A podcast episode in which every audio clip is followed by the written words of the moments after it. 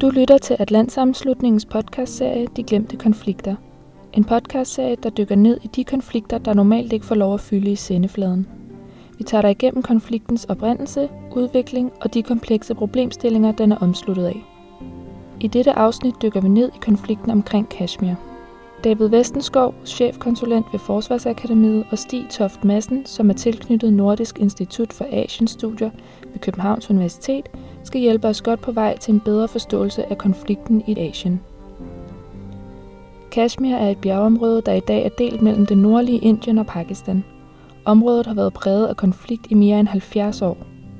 Dele af befolkningen ønsker uafhængighed, mens Indien og Pakistan rivaliserer om kontrollen over området. Men om det er en glemt konflikt, det afhænger af, hvem man spørger. Så du spørger, om jeg mener, at konflikten er glemt. Så vil jeg sige, at mit svar det er et kvalificeret nej. Meget få indere og endnu færre pakistanere kender ikke til konflikten omkring Kashmir. Det er ikke glemt, men det er heller ikke det helt centrale. Jeg tror mest af alt, at den er, den er, blevet, sat, den er blevet sat på standby, fordi man ikke kan finde en løsning ud fra det nuværende status quo. Jeg hedder David Vestenskov, og jeg er chefkonsulent ved Forsvarsakademiet. Øh, jeg leder det center, der hedder Center for Stabiliseringsindsatser, som er en del af Institut for Strategi. Siden øh, 2014 har jeg beskæftiget mig øh, med stabiliseringsprojekter i, i Afghanistan og Pakistan. Efter 2. verdenskrig ophørte den britiske kolonimagts kontrol over Indien. Det medførte, at det britiske Indien i 1947 blev delt i to selvstændige lande, Indien og Pakistan. Og det førte til stridigheder over Kashmir-området. Konflikten i Kashmir går tilbage til, til delingen øh, af Indien, altså tilbage til, til 1947, øh, efter at, øh, at britterne forlod landet. Øh, så, så forlod de også et land, hvor der var en, en, en kraftig sekterisk opdeling, øh, og der var, der var spændinger, særligt mellem hinduerne og, øh, og muslimerne, og det førte ganske hurtigt til den her deling, også det, der bliver kaldt The Great øh, Partition, hvor man simpelthen valgte at dele Indien i, i, i to bidder.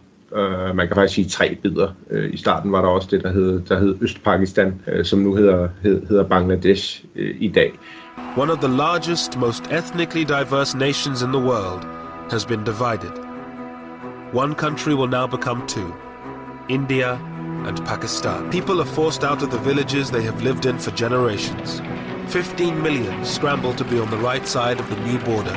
Men ideen var at få samlet det, det muslimske mindretal i deres egne områder, øh, og det var derfor, at, at Pakistan blev etableret. Og der havde man selvfølgelig en, en massiv folkevandring eller deportation, alt afhængig af, hvordan man ser det, hvor at, at, at muslimer, der, der var bosat i det, der i dag er det indiske fastland, jamen de, de tog til eller blev øh, deporteret til, til det, vi i dag kender som Pakistan, og, og hinduer den anden vej. Og det var ikke en, en proces, som der forløb uden problemer. Det var en ret blodig proces, hvor der blev slået en masse mennesker ihjel øh, undervejs. Og det øh, skabte simpelthen bare yde spændinger. Og hele Pakistan blev etableret i det her spændingsfelt, hvor at det i høj grad blev forsvaret af den muslimske identitet, som blev hovedmålet for Pakistan og også for, for, for Pakistans øh, væbnede styrker, så at sige. Og det, det er en identitet, de har taget med sig helt til i dag. Der var sådan set enighed om de her områder, øh, undtagen et, øh, og det var oppe i Kashmir, hvor man både fra indisk side og fra Pakistans side gjorde, gjorde krav på området. Det lavede man så en inddeling af, øh, en inddeling, som, som inderne øh, var, var enige i, men som pakistanerne ikke var enige i. Øh, og en af grundene til, at de ikke var enige i det, det er, at, at hovedparten af, de, øh, af den befolkning, der, der, der bor i den indiske del af Kashmir, øh, er øh, muslimer. Øh, og det er det, der er sådan er, er, er hvad kan man sige, stridspunktet, også den dag i dag. FN anerkendte, at der var problemer omkring opdelingen af området, man besluttede derfor, at det skulle afgøres ved en folkeafstemning, hvordan tilhørsforholdet skulle være. Der skulle altså ligge en, en, en folkeafstemning. Og det er jo en folkeafstemning, som, som Indien aldrig har haft interesse i at gennemføre, fordi de ville tabe den på grund af befolkningssammensætningen. Øh, og det er jo også noget, der skaber spændinger den dag i dag, hvor at man fra Pakistans side siger, at det her det er altså en FN-resolution, der aldrig er blevet, øh, der aldrig er blevet ført ud i livet. Og det er et af de, et af de store kritikpunkter, som Pakistan har til, til det internationale samfund at Indien ikke bliver holdt ansvarlig for at gennemføre den her folkeafstemning, fordi man fra Pakistans side ser det som helt naturligt, at Kashmir skulle tilhøre Pakistan, fordi at befolkningen, hovedparten af dem, der bor i Kashmir, jamen de, de vil sådan set også heller tilhøre Pakistan. Hvis de selv kunne bestemme, så ville de nok gerne være helt uafhængige, øh, men Indien er i hvert fald det sidste valg, øh, de ville træffe i forhold til tilhørsforhold. Konflikten omkring Kashmir stammer fra, da de britiske kolonimagter forlod området i 1947. Religion og etnicitet er helt centralt i konflikten. Udover et lille område, som er kontrolleret af Kina, har man overordnet to etniske grupper med hver sit tilhørsforhold, henholdsvis det muslimske Pakistan og det hinduistiske Indien.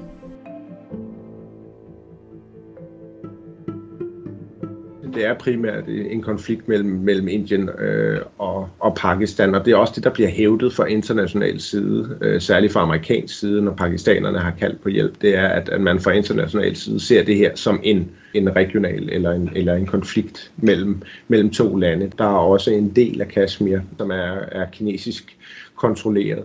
Øh, men umiddelbart, så, så i forhold til, til Kashmir, der, der tror jeg også, det er vigtigt at se på det her som, som en konflikt, der blev affødt af den, af den store deling af Indien, øh, som, som rækker tilbage til 47. Og det er også det, der gør, at, at konflikten har, har den her stærke undertone øh, af religiøsitet, fordi det er en kamp mellem, mellem hinduer øh, og, og muslimer. Øh, så, så umiddelbart, så, så hvis man kigger på, på andre øh, aktører internationalt, jamen, så tror jeg ikke, at der er nogen, der vil stå i vejen for, for en aftale mellem de to parter. Men, men så længe de ikke kan komme op med en brugbar aftale, som, som vil være acceptabel øh, for begge, jamen så, så ved det internationale samfund heller ikke, hvordan det skal løses. Stig Toft Madsen har en bred viden om Indien og Sydasien generelt, og kan derfor hjælpe os med at forstå, hvilke grænseoverskridende konsekvenser konflikten kan have. Jeg hedder Stig Toft Madsen. Jeg bor i København. Jeg har studeret sociologi og antropologi i Danmark og i Sverige og i Indien. Og så har jeg været tilknyttet NIAS, Nordisk Institut for Asiens Studier ved Københavns Universitet. Og det jeg vil bemærke, det er, at når man taler udenrigspolitik i Sydasien, i den del af verden, så har det i høj grad ofte noget med etnicitet og religiøse forhold at gøre. Øh, man udnytter, at der er folk af ens egen etnicitet og religion bosat på fjendens territorium.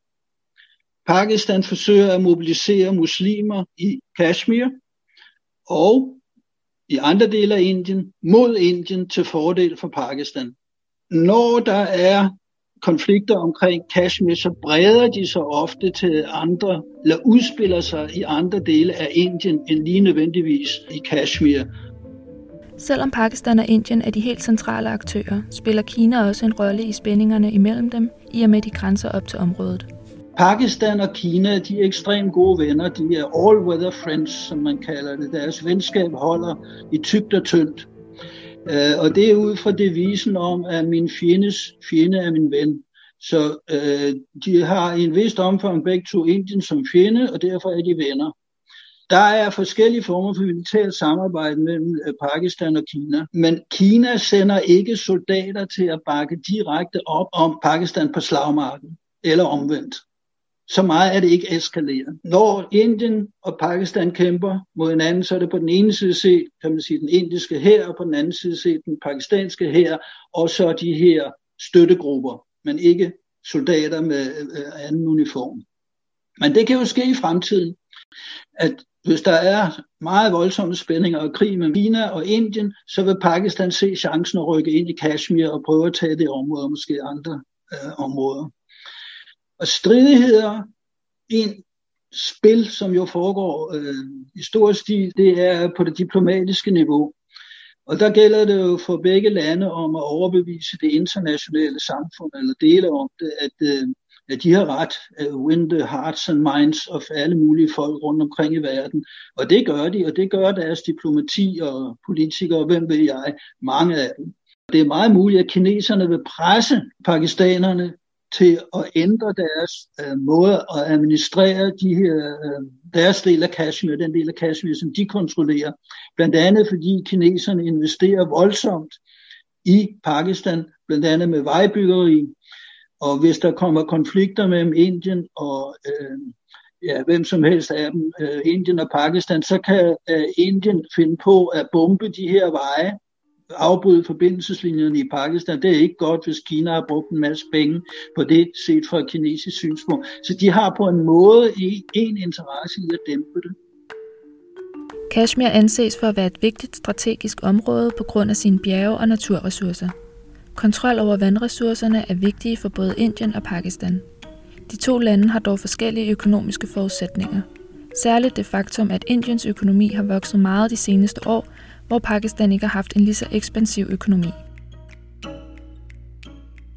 Et vigtigt element i det her, det er også øh, vandressourcer. Øh, fordi at øh, den, den flod, der løber ned gennem Pakistan, Indusfloden særligt, det er, det er stort set den eneste naturlige vandressource, som, som Pakistan har. Og den har altså sit udspring inde i, øh, inde i indisk Kashmir. Og, og der var nogle eksempler, særligt i forhold til Østpakistan, det man kender med, øh, som, som, som Bangladesh i dag, hvor at, øh, at, at inderne begyndte at bygge nogle dæm, dæmninger i forhold til at lede en hel del af vandet øh, ind på, på indisk øh, territorie. Og det havde man selvfølgelig også en frygt for, og har man stadig en frygt for fra Pakistans side, at, øh, at inderne via deres kontrol med, med den del af Kashmir vil, vil kunne påvirke øh, vandtilførelsen. Øhm, og også selvom man, man fra FN's side har, har, har lavet en, øh, en, en vandtraktat, der rækker helt tilbage til, øh, til, til, til 50'erne, hvor Indien også garanterer, at de ikke vil pille ved det, jamen så er det og bliver et, øh, et, et, et øm punkt, øh, fordi at, øh, øh, at en stor del af det pakistanske landbrug er simpelthen afhængig af den her vandtilførsel. Øh, og, og, og så længe Indien, øh, øh, inderne har muligheden for ligesom på potentielt at, at, at gøre noget ved det, jamen så, er det, så, så, så bidrager det selvfølgelig til, til hele spændingsfeltet. Der er en joker i det her spil, og det er, at øh, den nordlige del af subkontinentet får vand i floderne via gletsjerne, som øh, afgiver smeltevand. Hvis gletsjerne smelter i det hele, øh, alle sammen, hvis alle de her gletsjer, som er nogle af verdens største, smelter, så kommer der, øh, i, så bliver så øh, floderne i øh, den nordlige del af subkontinentet, de vil kun løbe noget af året. Og de kan måske begynde at løbe andre steder. Så spørgsmål om vand og områdets fremtid, den er meget vigtig, og især for Pakistan, fordi en stor del af Pakistan er ekstremt tørt, og de er meget afhængige af det vand, der kommer fra Indien. Og der, en af de få ting, der virker i forhold mellem Indien og Pakistan, det er aftalerne omkring vand, som Verdensbanken var med til at definere. Det gør, at Indien skal slippe en stor del af vandet og lade det løbe ind til Pakistan, flodvandet. Hvis forholdene ændrer sig, hvis de politiske forhold ændrer sig, så er det her noget, som også påvirker øh, Pakistans øh, øh, evne til at overleve som stat. I august sidste år fratog Indien Kashmir en særlig form for autonomi ved at slette den såkaldte paragraf 370, som tidligere sikrede det indisk kontrollerede Kashmir særstatus. Det hed sig, at det var med det formål at integrere området bedre i det øvrige Indien – et område med et stærkt muslimsk flertal. Det skabte en masse protester, som Indien har prøvet at lukke ned for. Modi and his unchallenged Hindu Nationalist Party unilaterally revoked Article 370, which granted autonomy to Jammu and Kashmir, India's only Muslim majority state. Det, der skete sidste år, det var, at Indien inkorporerede uh, Jammu og Kashmir, delte det, de fratog det dets autonomi. Øh, og der var der øh, stor øh, protest mod.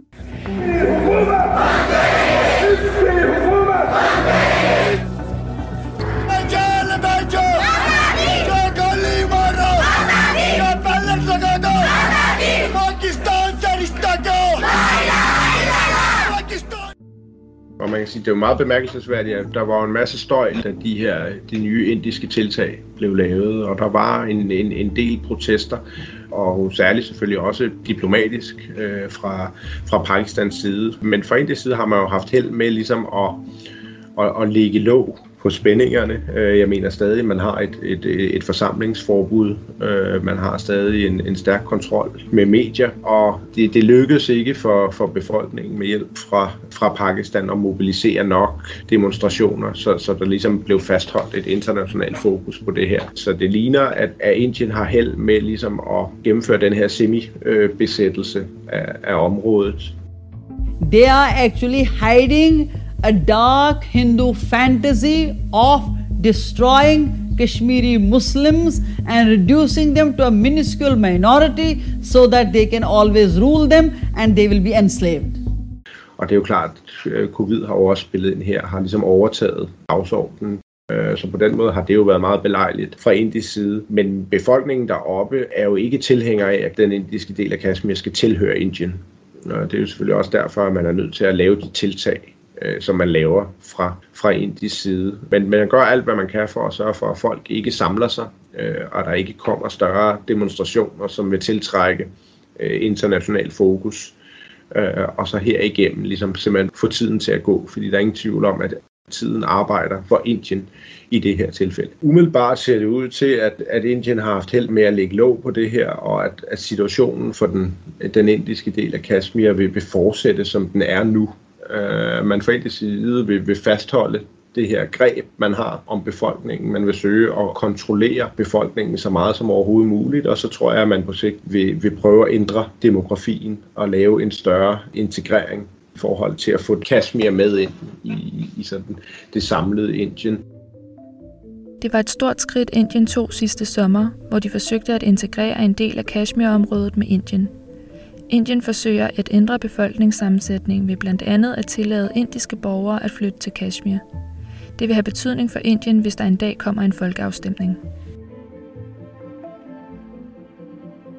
I den proces, så kunne man også godt forestille sig, at man fra indisk side ville lave nogle, nogle tunge økonomiske investeringer deroppe, øh, netop i forhold til også at få befolkningen med på øh, ideen om, at det her projekt skal være en helt fast del af Indien. Og som jeg ser det, så er det jo nok i den retning, det kommer til at gå. Det kommer ikke til at gå hurtigt. Det, det indikerer den indiske agerende også. Så man har ligesom rykket ind. Og fra Pakistans side vil man selvfølgelig prøve øh, at modarbejde det. Og, og hvis det ikke virker diplomatisk, jamen, så vil man jo prøve at, at skrue op for støtten til nogle af de anti-indiske bevægelser, der opererer. Og det vil jo typisk være nogle af de her islamistiske bevægelser, der udfører, der udfører terror øh, terroraktionerne øh, rettet mod den indiske militære tilstedeværelse. Og det er jo sådan set et meget godt oprids af, hvordan situationen har været gennem de sidste årtier. Og jeg tror, at den situation vil fortsætte en rum tid endnu, og det er i hvert fald ikke sådan, at der ligger en eller anden international løsning klar.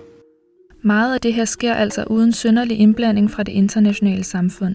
En vigtig pointe her er også, at vi altså har at gøre med to atommagter – Ingen af parterne er interesseret i en atomkrig, og derfor kan de holde hinanden i skak, også når det kommer til konflikten i Kashmir. Og så er der jo også det forhold, at øh, begge lande er atommagter, så der er også ret meget på spil, hvis man er med til at optrappe en konflikt fra international side, og det vil man sandsynligvis gøre, hvis man stiller sig på den ene eller på den anden side. Det er også noget af det, der gør, at FN ikke rigtig spiller nogen større rolle i konflikten. Hvis FN skal kunne spille en, en rigtig øh, konstruktiv rolle, så kræver det jo også, at der er, er ligesom opbakning, særligt for, for Sikkerhedsrådets faste medlemmer.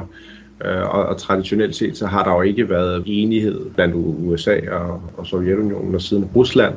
Øh, og så har man også fra kinesisk side heller ikke ønsket, at man ligesom blandede sig det er et fast princip, man har fra, i, i, i den kinesiske udenrigspolitik, at man ikke blander sig i andre landes konflikter.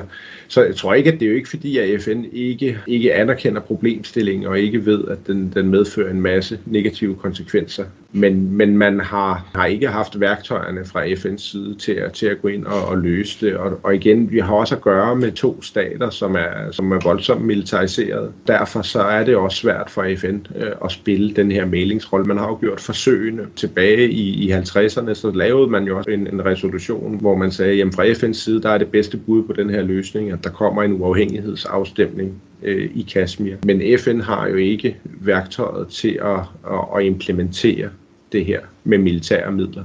Det kræver, at der er andre, som bakker op om det. Og hvis Indien modsætter sig den her afstemning, jamen, jamen, så er det svært for FN at spille øh, en rolle. Det er svært at forestille sig, at FN lige pludselig skulle sende soldater til et indisk kontrolleret område, uden at Indien ville modsætte sig det.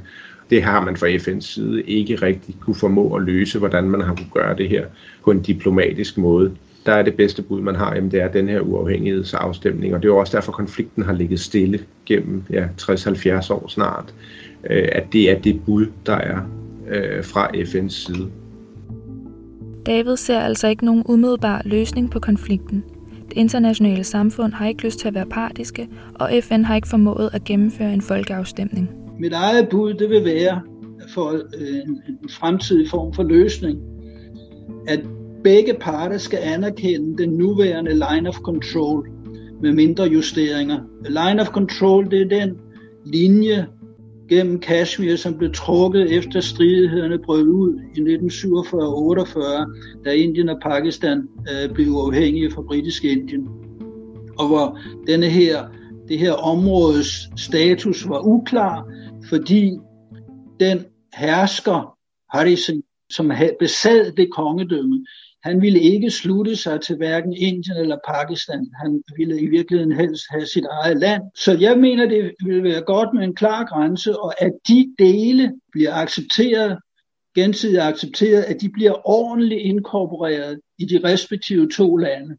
Men jeg synes, det er korrekt, at man giver dem samme juridiske og demokratiske og økonomiske situation i princippet som alle mulige andre delstater i Indien, i stedet for at lade dem hænge årti efter årti i en speciel status.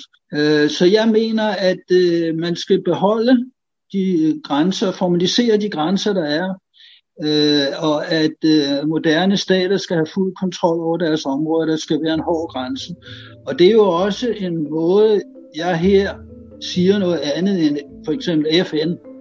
Netop spørgsmålet om suverænitet og den nationale forståelse er vigtige for alle parter i konflikten – både for befolkningen i Kashmir, Indien og Pakistan. Hvis man ser på nogle af de undersøgelser, der ligger i forhold til, hvad befolkningen i Kashmir vil, så, så vil langt de fleste gerne øh, have, have fuldstændig selvstændighed, både fra Pakistan øh, og Indien. Det er som sagt bare ikke realistisk i forhold til vandressourcerne, øh, men også den her konflikt, som har kørt så længe. Kashmir er jo også et fundament i hele den pakistanske selvforståelse. Kampen for at få Kashmir tilbage, det er jo stadig noget, som der snakkes om, og det er jo stadig den måde, som hele det store pakistanske militærapparat er gearet mod, det er den her problemstilling. Det er stadig den, de bruger til at i tale sætte øh, vigtigheden af, at, at de er der, og vigtigheden af, at de bliver ved med at have et forholdsvis stort øh, budget og, og alle de privilegier, øh, de nu har. Så der er selvfølgelig også en, en dimension af, at Kashmir-konflikten også har en, en brugbar betydning set fra Pakistans side øh, i forhold til, at, at den sådan set fortsætter. Det kan man sige, at inderne bruger det jo også på samme måde i, i deres kommunikation. De talsætter også den her indiske øh, nationalisme via den her konflikt med Pakistan. Så landene har jo også ligesom lært at, at leve med den her situation. De ledere, man har, de er jo opvokset med den her problematik. Så derfor er det også blevet en hverdag, som man har vendt sig til at agere i. Og det er jo så også spørgsmålet, om der i virkeligheden er den store interesse i, der bliver indgået et kompromis.